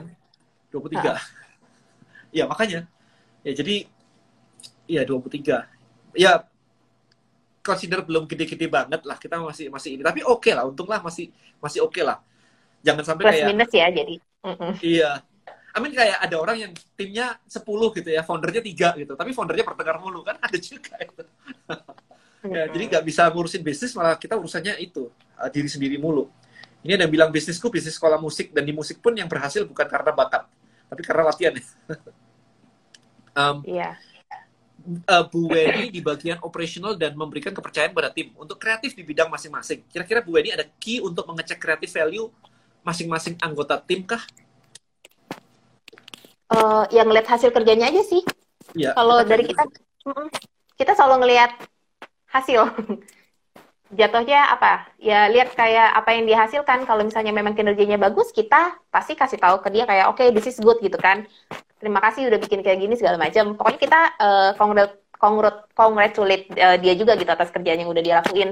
Tapi kalau misalnya kerjaannya memang kurang bagus ya kita kasih tahu kayak tadi aku bilang kayak kalau emang dia nggak bagus ya pas lagi uh, ada waktu untuk evaluasi kita bilang kayak kinerjanya masih kurang nih kita harapnya kayak gini jadi kita tuh selalu kasih ekspektasi kita seperti ini dan kalau misalnya mereka masih nggak ngerti ya kita buka forumnya maksudnya kita aku selalu buka open komunikasi kayak kamu bingungnya di mana nih? Gitu. Kamu harus kasih tau aku bingungnya di mana supaya aku kasih tau kamu. Kayak gitu. Jadi kita open banget sih. Puji Tuhan kita uh, dengan 23 orang ini ya sekarang seperti itu. Gitu. Jadi bener-bener kalau ada apa-apa ya diomongin aja. Kalau lu bingung bingungnya di mana? Kita bantuin biar nggak bingung. Kalau misalnya kalian diem aja ya kita kan juga bingung. Gitu. Yes, jadi eh, itu kalau sistem dan cara mengelola sebuah company kecil startup yang produknya berupa teknologi dan non teknologi beda nggak Coach Denny? Yang berbeda bisnis modelnya sih. Kalau dalam team building saya sama ya. Saya nggak membedakan team buildingnya di situ. Yang beda adalah orang yang di, di hire beda. Kalau di Bonels nih, di Bonels kita punya orang yang bisa brand development misalnya, yang bisa yang pernah punya pengalaman di FMCG misalnya, yang punya pengalaman di jaringan distribusi retail misalnya kayak gitu. Di Tribelio kita nggak butuh kayak begitu. Mau listing apaan? Kita produknya digital platform. Kita butuhnya developer banyak kalau di Tribelio. Jadi nggak ada bedanya Betul. sih. Bu Weni jago accounting juga nggak? sejujurnya enggak tapi demi Tribelio aku belajar Kok sekarang kan semuanya masih saya kerjain sendiri. Mes, menurutku Denny kalau mau rekrut tim posisi apa dulu yang pertama kira-kira diprioritasin? I think itu udah udah kejawab sih tadi ya. Udah kejawab ya. Iya. Um, posisi yang kamu butuh tapi kamu nggak bisa. Posisi yang kamu bisa tapi kamu nggak suka. Baru posisi yang kamu bisa hire ketika kamu punya duit. Itu urutannya kayak begitu. Kau ini punya saham nggak sih di Tribelio? Sepertinya ownership-nya kuat sekali. punya saham nggak punya saham loh ownernya aja kagak digaji men itu nanti. Jadi kita memang planning ke sana ya. Jadi planning ke sana um, kalau semuanya berhasil dengan baik kita semua akan menikmati. That's my my goal gitu. Saya tidak dulu saya berpikir bahwa semuanya harus milik saya di awal banget. Tapi ternyata nggak seperti itu. Makanya hari ini kan kita juga baru announcement ya di Bonels kita dapat pendanaan juga kan uh, Bonels. Ya kita akan bahas lebih detail itu di, di lain video sih. Tapi intinya buat saya adalah, saya bayanginnya gini aja. Kalau saya kerjain sendirian, terus omset misalkan 10 miliar, atau 20 miliar gitu, atau saya pernah lumayan gitu kan. Tapi kalau dikerjain rame-rame, meskipun saya cuma dapat 10 persennya aja, as a owner saya cuma 10 persen, tapi kalau omsetnya 1 triliun gimana? Kan 100 miliar ya, ini secara kalkulasi teman-teman. Gitu sih mikirnya sih. Jadi saya nggak ada kayak, oh harus saya 100% nih. Enggak sih. Jadi di Bondel saya sudah membuktikan bahwa saya terima pendanaan artinya adalah ya kita punya partner kayak begitu saling punya share which is di Tribelio saya juga nggak harus saya 100% juga nggak kayak begitu teman-teman. It's okay untuk sama-sama. Kita build semuanya dari nol. Hmm. karena kalau misalkan um, nggak bener pun terus kita dibenci sama tim sendiri juga nggak jadi itu mah semuanya. Ya kan? Cuma kalau hari ini kita ngurusin semuanya kayak begitu um, masih dari nol terus kita udah kayak ini kasus saya ya kalau dari nol rebelio terus kita udah bagi share kayak begini semuanya itu nanti kita lebih ribet urusan legalnya daripada membangun company-nya that's the problem. Betul. kita kan kayak legalnya gimana? Ini baginya ini gimana? Ini dividennya gimana? Ini pajaknya gimana? Company-nya belum jalan. Income-nya belum ada. Gede-gede banget. Udah urusan kayak begitu. Akhirnya kita yang pusing dan itu bikin orang ribet. Ngapain tambah beban? Even maksud kebak aja bajunya nggak pernah ganti biar nggak ada decision tambahan gitu loh. Jadi itu nanti kalau sudah sudah take off itu it's okay. Kalau sekarang mau dibagi mau dibagi apanya? Gitu kan. Membernya mau dibagi. Ya boleh aja sih. Bikin tribe sendiri gitu soal jam kerja gimana Mungkin ben jam kerja jam kerja kita jam kerja kita sebenarnya kalau dari uh, dari di atas kertas sih ya jam 9 sampai jam 6 sore tapi uh, pada kenyataannya kita kita sangat bertanggung jawab dengan pekerjaan kita. Jadi ketika kita harus bekerja di luar jam kerja kita, kita mau sih. Kalau ditanya kenapa, karena kita punya visi yang sama sama Kode ini. Jadi tim yang ada di sini, aku percaya semuanya punya tim uh, punya visi yang sama dengan Tribelio gitu. Biarpun misalnya developmentnya, misalnya kemarin itu masih banyak awal-awal ya, masih banyak bug segala macam. Uh, ya kita tahu, kita dengerin kok, kita uh, memperhatikan gitu feedback dari kalian dan kita berusaha membenahi uh, aplikasi kita juga kayak gitu kan. Tapi kita percaya kayak kalau visi yang kode ini tetapin buat bikin Travelio ini, which is kayak pengen bangun uh, bangun satu platform yang bisa membantu banyak orang uh, bisa menghasilkan segala macam itu karena kita juga udah udah memvalidasi ini dan udah banyak juga sebenarnya yang terbukti, kita percaya ini akan bagus asal dijalankan dengan baik. That's why uh, aku dan teman-teman yang ada di sini juga mau kerja uh, apa ya kalau bahasa anak-anaknya anak gaul sekarang kayak kerja mati-matian juga buat Rebelio karena kita percaya Rebelio bakal jadi something bigger sih di Indonesia gitu. Hey, I want the world not Indonesia. um, nah ini kayak gini nih gimana nih? Bagaimana cara mencari teman atau partner yang bisa dipercaya? What do you think? I don't think harus Doa. partner atau teman deh. ya doa bener. I don't think harus pakai istilah partner. Kalau nggak ketemu partner, hire orang, hire tim. Gak ada masalah, teman-teman. Gak ada masalah. Mungkin ada yang bilang bahwa bisnis... startup. Iya. no, no, I kayak banyak yang bilang kayak bisnis tuh harus punya partner. Kalau sendirian tuh gimana-gimana gitu. Saya dari dulu sendirian. Naik turun. Ya, bisa. Bisa. I mean, it's a pro and cons, tapi bisa. Gitu aja. Gak ada masalah. Jadi, hmm. banyakkan doa lah. Bener, jawabannya banyakkan doa sih. Ciwe ini lulusan apa? Lulusan apa? Aku mau, lulusan mau komunikasi. ya, Aku okay. lulusan Denny Santoso. Eh belum belum lulus belum lulus. um, masih masih masih jauh perjalanan kita masih masih panjang. Cara Iya. menilai value dan memberikan value ke individual tim kita gimana? Di tim saya ada yang kalau absensi ngaret, tapi kinerjanya paling bagus, kinerja bagus. Nah ada yang absensi selalu tepat waktu, tapi kerjanya slow. Ya kita tinggal buka aja datanya. Kalau aku ya, kalau aku tinggal aku buka, buka datanya gitu. Eh pasti aku ngomongin kayak kamu bagus tapi attitude kamu kurang bagus misalnya.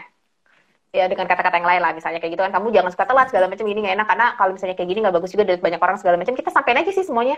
Kalau aku ya kalau aku bakal aku sampein semuanya sih. Kayak aku dapet eh, feedback apa misalnya dari kode ini juga gitu. Kode ini suka nyampein misalnya feedbacknya apa gitu kan ke siapa Eh, karena aku yang handle tim jadi aku yang bakal kasih tau juga eh, kadang kadang hal-hal kayak gitu aku yang kasih tau ke dia gitu kan ke ke, ke orangnya ya aku jelasin kayak nggak boleh kayak gini kita tuh di perusahaan kayak gini ya dijelasin aja semuanya kalau misalnya dia Iya. masih mau berubah dan kalian dan kamu masih butuh dia dia masih mau berubah di hire kalau misalnya kamu juga udah nggak bisa maksudnya kamu sebagai business ownernya ya kamu juga udah nggak bisa handle eh ya terserah mau dilepas apa enggak Ya kalau nggak bisa di-handle dilepas. Mm-mm. um, kita pretty pretty strong sih, strict sih kalau misalkan attitude etika begitu sih sekarang sih. Ya. Um, ini mau nanya nih untuk bisnis yang baru nih lebih baik hire dua karyawan dengan gaji yang rendah, tentunya kualitasnya juga sesuai dengan gajinya, atau lebih baik hire satu karyawan yang bagus dan bisa backup kita sebagai owner. I'll pick number two. man. kalau emang Langsung. iya kalau kalau number mampu ya kenapa nggak kenapa nggak langsung nomor dua Ya, karena satu orang yang kerjanya bagus itu outputnya bisa lebih bagus daripada dua karyawan. Iya kan? Yang namanya produktivitasnya tinggi itu bisa hasilnya lebih bagus daripada rekrutin banyak tapi kerjanya lebih slow. Ya, jadi better yang satu itu. Karena begitu Anda hasil Anda output Anda meningkat, Anda jadi punya margin untuk hire the next one. Mm-mm. Wen, ada minta info-info bagian apa aja sih yang ada di Tribelio and Bonels ya kurang lebih mirip lah. Ini aja yang cerita sekilas aja. Kalau di kita sih sebenarnya ada tim business and operations aku doang. Tapi aku ada teman yang bantuin eh, bagian finance ada ada juga satu. Eh, terus ada tim sales juga, divisi sales, ada divisi divisi sales itu termasuk divisi digital marketing ya. Terus ada divisi sosmed, terus ada divisi eh, kreatif, terus ada divisi divisi community karena kita kan eh, bikin kita punya banyak banyak tribe gitu kan banyak komunitas ada divisi community dan kita ada divisi produk so far sih dibaginya seperti itu ya Ya, bonus kurang lebih ya mirip-mirip lah bagian social media, bagian tra- traffic, bagian finance, bagian uh, reseller, bagian partnership, cari partnership part- partnership, uh, bagian product development, bagian um, ini apa sales offline gitu. Jadi ya kayak begitu. Um, nyari orang yang sevisi di awal bangun tim gimana? Nah, ini tidak ada namanya orang yang di hire tuh sevisi. Kita yang harus sharing our vision. Gitu. Jadi nggak ada namanya kalau dia punya visi udah jalan duluan, men. Nggak ada gitu. Visinya dari dari kita, dari company, dari dari owner, dari founder gitu. Baru kita tularin ke mereka, kita share. Jadi ketika mereka join bukan karena salary tapi karena visi. Gitu. Kapan Kode ini merasa perlu hire orang pertama seperti Ciweni? Di awal, sebelum bisnis dibangun. Pasti kayak begitu. Saya always kayak gitu. Ya, di sebelum-sebelumnya saya juga kayak begitu. Apakah mindset dan cara berpikir di film drama Korea Startup dan Itaewon Class bisa diterapkan dalam dunia nyata, real life? What do you think, man? Kamu udah nonton juga tuh? udah aku udah nonton dua-duanya bisa banget tapi harus disesuaikan dengan kondisi perusahaan juga kalau misalnya kayak tadi banyak yang bilang kayak oh, harus cari partner gini-gini. Nah karena di startup kan ya dia eh dia masuk inkubator terus dia udah menang terus dia dikasih eh, duit kan sama sama sama si inkubator itu kan sama si sandboxnya. Ya dia udah punya uang dan memang pembagiannya seperti itu karena dia ada mentornya segala macam ya memang pembagiannya seperti itu. Tapi ya harus disesuaikan dengan kehidupan di eh, perusahaan kita. Kayak sekarang di Trebelio ya nggak bisa kayak gitu karena eh, investor kita satu-satunya cuma Kodedi kayak gitu kan. Terus apa yang mau dibagi? Kayak gitu sih. Jadi eh bisa diterapkan ada hal-hal yang bisa diterapkan disesuaikan dengan kondisi perusahaan kita sekarang. Oke, seberapa penting background disiplin ilmu buat milih tim? oh penting banget. Disiplin. Kalau edukasi sih Nah, sebenarnya kita nggak disiplin itu maksudnya disiplin ilmu. Disiplin ilmu itu kayak apakah background something itu penting, background finance, background ekonomi, background apa, background IT, background apa gitu. uh, background edukasinya penting gitu. sesuai pen- Sesuai dengan ini kan? penting sesuai penting sesuai eh, apa namanya sesuai sesuai posisinya sebenarnya. Tapi kalau misalnya dibilang kayak dia harus dari universitas apa segala macam itu enggak. Kalau misalnya kita cari eh, apa namanya video editor, ya dia harus punya background untuk bisa ngedit, dia harus tahu software-software untuk bisa ngedit video kayak gitu. Kalau misalnya dia nggak tahu, ya susah masa di hire gitu. Ya, I think bukan tentang bukan tentang background disiplin ilmu sih, lebih ke bisa deliver the result gak sih? Ya kan kalau misalkan dia hire- eh, dia dia kerja di kita bagian video editor ya otomatis dia harus ha- menghasilkan video yang bagus. That's it. Mau backgroundnya dulu dia tukang masak juga gak peduli kita mah. Gak Iya. ada urusan gitu. As long as deliver. How fast do you hire and fire team? How do you fire them? Apakah Kak Weni yang bagian mencat-mencatin? Bisa iya sih. Eh, kita kan ada kalau di kita tuh kita punya punya sistem tiga bulan eh, pelatihan lah, misalnya bilang kayak probation gitu kan. Dari tiga bulan ini kita evaluasi mereka eh, salahnya di mana. Kalau misalnya sejauh ini sih sebenarnya kalau mereka yang nggak nggak bisa ngikutin kinerja kita, mereka yang gugur sendiri sih. Ya, karena karena stres men. Kalau misalkan di kita kita pace-nya kan cepet nih. Harus kontak gini, harus kontak gitu kan. Saya bahkan kayak, kok hari ini kamu cuma kontak sekian orang sih? Kenapa kalau di double? Kalau kenapa nggak di double gitu-gitu kan? Kalau orang nggak biasa digituin, itu udah kayak buset kerjanya kayak buset kayak gini banget gitu. Sementara kalau anda tahu ya kemarin kan kita sempat uh, live bareng Pak Adi Zain ya di FI gitu kan. Mereka itu bahkan dituntut untuk mendapatkan survei customer itu sebanyak, sebanyak 300 customer in 3 days. Can you imagine that? Hmm. dapetin hasil survei customer 300 orang in 3 days. Sementara di sini kayak, wah lama banget nyari ini 10 boleh nggak? 20 boleh nggak? Kayak gitu gitu loh.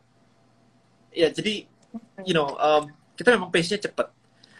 Nih, mau nanya ke Ciweni nih, kenapa mau di-hire sama Godemi? Saya lihat Ciweni dan Mia kerjanya totalitas. Saya rasa bukan tentang uangnya.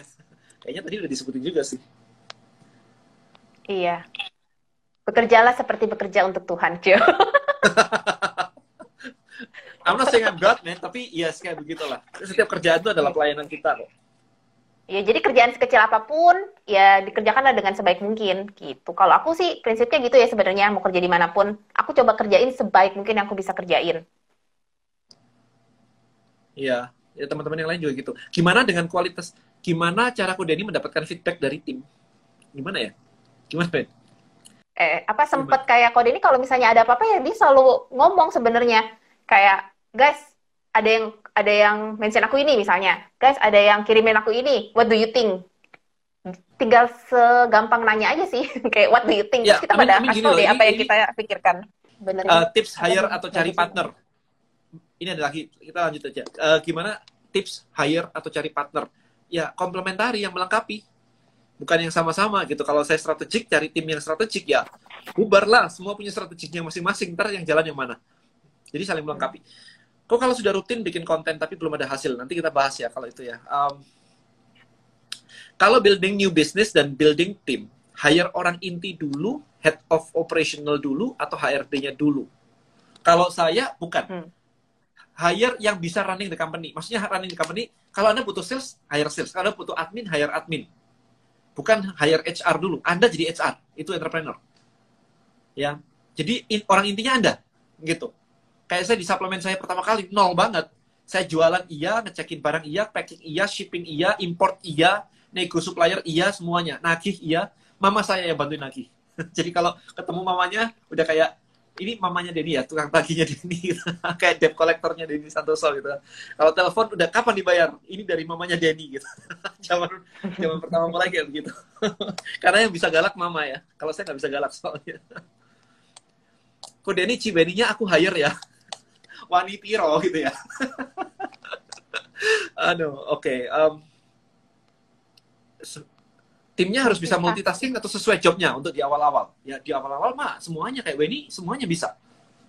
Iya, tapi aku Iya, kalau semuanya. setiap ada ini kalau di Tribeli ya, setiap hiring kita selalu bilang kayak tapi eh, as a startup ya kamu akan kerja banyak hal juga nggak cuma kerja ini gitu. Jadi memang udah dikasih tahu juga kayak ketika kamu masuk nanti kamu akan kerjanya seperti ini karena kita juga kasih tahu kayak di aku tadi ada yang nanya kan kayak Cio ini eh, apa tadi kayak hiring juga ini juga itu juga aku semuanya sih sebenarnya. Apa yang bisa aku kerjain aku kerjain. Apa yang nggak bisa aku kerjain ada tim yang kerjain kayak gitu sih. Jadi emang sekarang kalau untuk uh, Tribelio ya khususnya kalau kita uh, pertanyaan ini misalnya untuk Tribelio ya memang harus multitasking sih. Jangan cuma kerjanya itu doang ya dia cuma kerjaan itu doang. Itu yang harus uh, conversinya bagus. Maksudnya itu hasilnya harus bagus tapi yang lain-lain juga dia harus bisa kerjain. Um, sama ini teman-teman. Kalau saya kemarin tuh saya men mencari talent gitu, mencari talent. Ingat nggak ketika kayak kita ada Ivana waktu itu, kemudian ada Vicky juga. Kita hmm. offer mereka itu ganti-ganti posisi loh.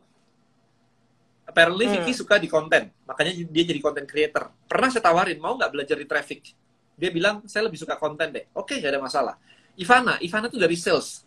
Dari sales, mulai ngerapiin laporan sales, habis itu ngerapiin financial, habis itu iklan kayaknya dia enggak deh kemarin itu. Apalagi ya, pokoknya muter-muter. Saya nggak ada masalah dengan tim mencoba muter-muter. Mau dari sales pindah ke traffic, kita juga ada kan ya, men? Dari sales coba-coba ke traffic nih. Ada kita. Gak ada masalah buat saya. Karena selalu saya support. Anak saya aja mau explore macam-macam, saya support kok. Tim saya apalagi kan ya, mm. gak ada masalah gitu. Dan selama tim kita juga banyak kok yang di rolling. Iya. Kalau mau rolling tempat saya juga gak apa-apa kok. saya pensiun dulu sebentar. Boleh. Belum bisa. Um, kemudian terima internship nggak? Terima. terima. Kalau lagi open terima. Kalau sekarang belum. Diplomatik banget Ben kalau lagi open terima. ya iyalah um, gimana caranya minimize human error dari karyawan supaya nggak berulang human errornya di case yang sama. Anyway, udah pakai sistem potong gaji, tapi malah pada resign. Jadi jawabannya simpel banget. Weni udah jelasin tentang SOP. Ada SOP.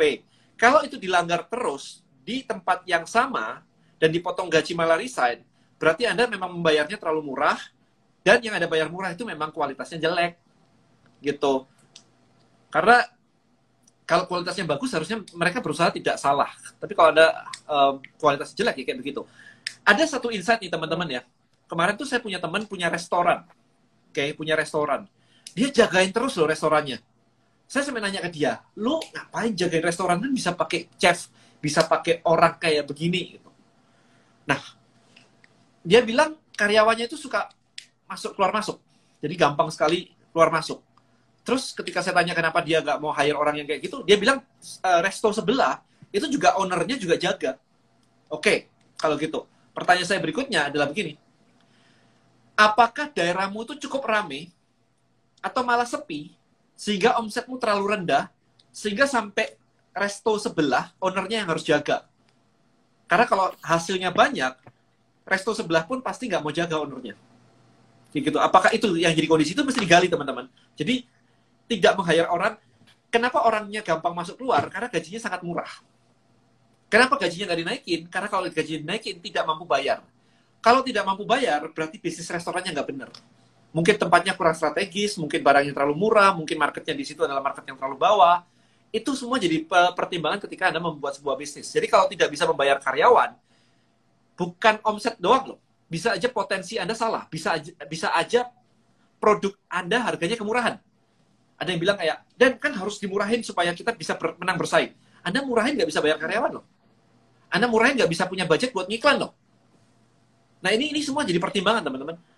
Ya jadi jangan asal kayak, oh saya mau jual murah, saya mau jual gratis gitu. Terus yang bayar karyawan siapa? Bayar pajaknya gimana? Bayar ininya gimana? Ya kan iklannya gimana? Nah ini semua ada pertimbangannya ketika membangun sebuah bisnis. Um, mm -mm role model bisnis operasinya Travelio ada nggak ya? Apa ya? Nggak ada sih kita ya. Kita punya banyak mentor, kita nanya ke banyak orang. Gitu sih. Cari Jadi kalau pada di, di, huh? di bukunya bilang butuh mentor, ya kita di bisnis, eh apa di Travelio juga, aku juga ada mentornya. Ben, kita sering banget ya ketemu orang sana sini untuk mentoring. Kita sendiri belajar gitu loh maksudnya. Oh, oh. Iya. Apalagi masalah-masalah kita emang nggak paham. Mm -mm ke legal kita nanya, ke operational kita nanya, ke teman-teman yang sudah punya startup-startup gede kita nanya. Kemarin ke startup-startup kayak ke itu kan CTO-nya Dana lah, ke CTO-nya macam-macam kayak gitu ya, GoPlay lah gitu. CEO-nya GoPlay kita datengin, kita tanya. Maksudnya kita kita zoom ya kali ini ya. Kita nanya kayak kalau lu jadi gua mesti ngapain nih? Kita nanya, kita belajar. Saya bawa tim saya. Wendy ikut kan waktu itu ya sama Bella ya waktu itu. ikut ikut. So, ya kita mentoring ke mana-mana. Even saya belajar ke mana-mana. Itu aja sih. Kita so, masih sama-sama belajar. Iya, I'm not saying I'm the best guys. Saya cuma suka sharing gitu aja. Ya, I'm not the best. Saya still learning from a lot of people. Um, cari orang dulu, bangun sistem dulu, atau jualan dulu. Buat saya jualan dulu lah. Ngapain cari orang kalau nggak ada duitnya? kan harus jualan. Dibuktiin, jalan, kita cari orang. Kecuali Anda bikin kayak Trebelio. Kayak Trebelio itu challenging banget. Karena untuk ngebuktiin lakunya, produknya harus jadi dulu. Untuk bikin produknya Hmm. jadi, itu sudah miliaran dulu yang dikeluarin. itu sih. Ya jadi um, kalau buat anda yang biasa dagang begitu ya jualan dulu lah.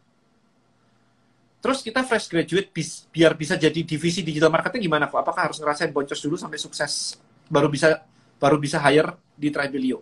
Baru bisa di hire kita kah atau maksudnya gimana nih? Baru bisa hire di Tribelio. Fresh graduate. kalau kita nggak cari fresh graduate graduate ya kalau harus- kayak gitu. Kalau kalau Ya. fresh graduate pengen langsung ke digital marketing ya harus punya Jadi- skills dulu. Berarti ya harus tambah skillsnya baik dengan belajar sendiri, belajar dari orang lain.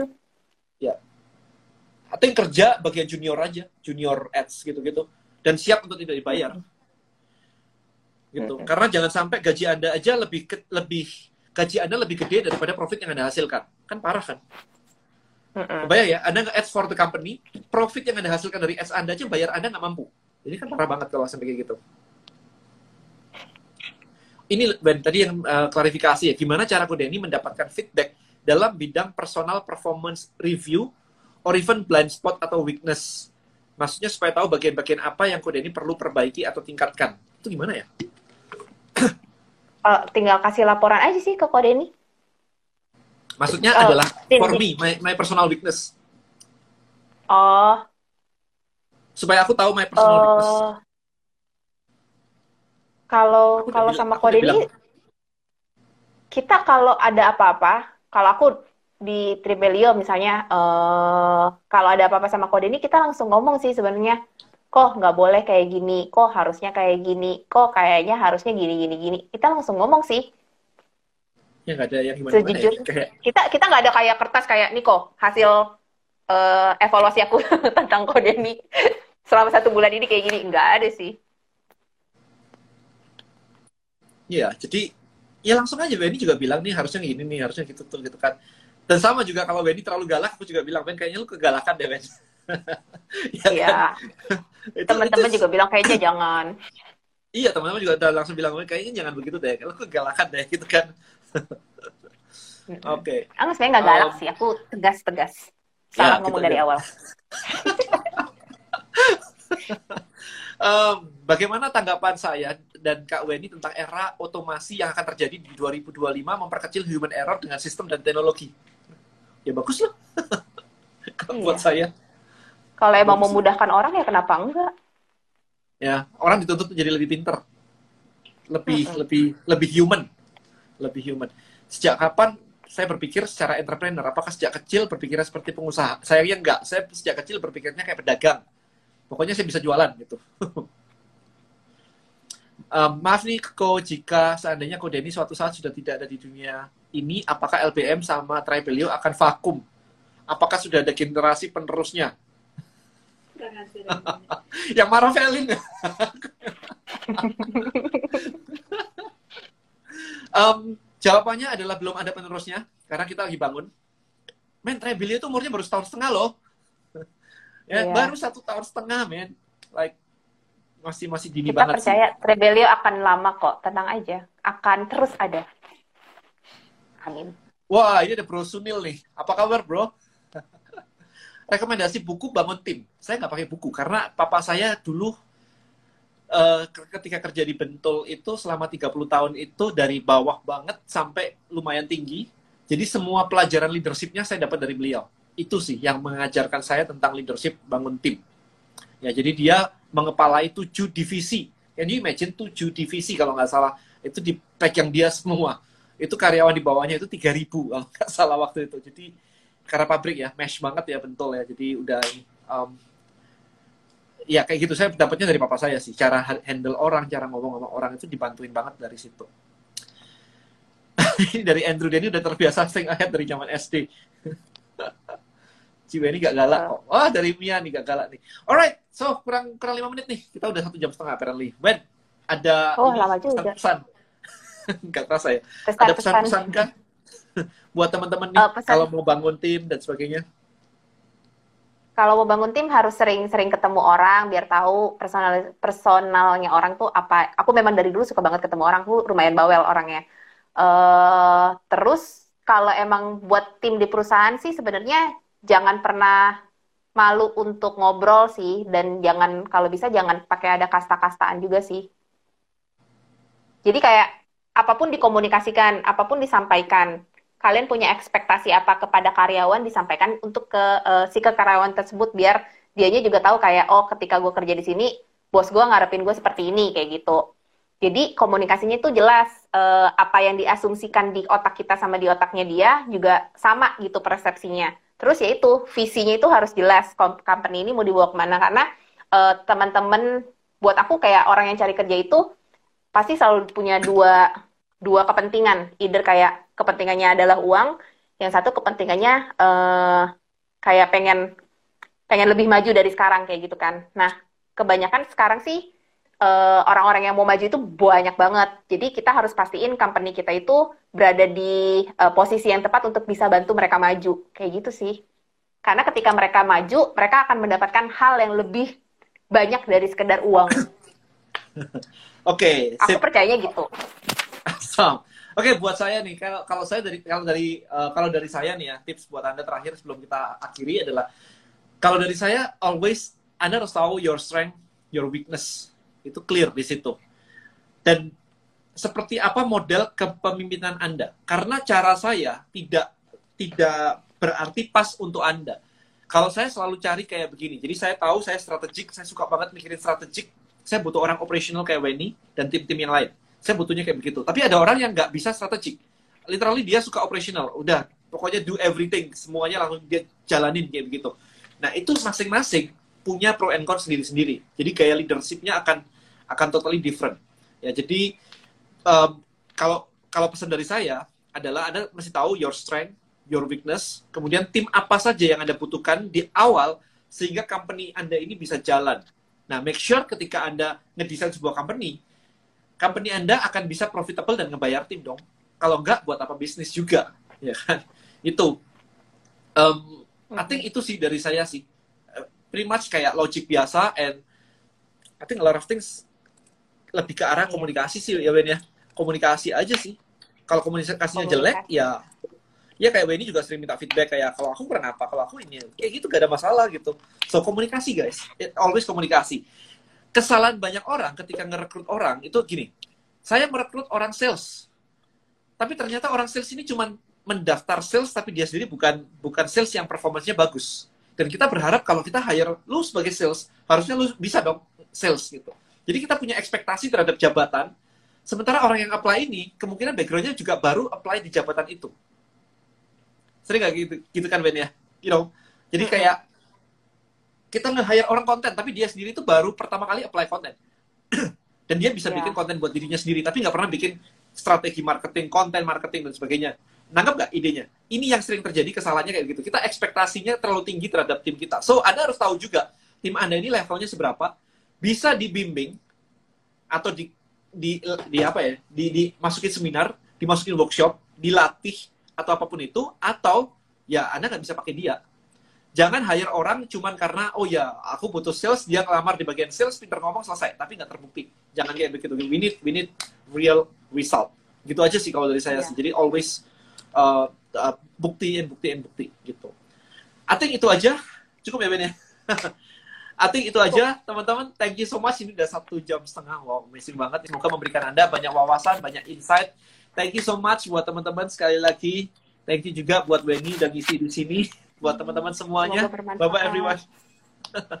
Bye bye.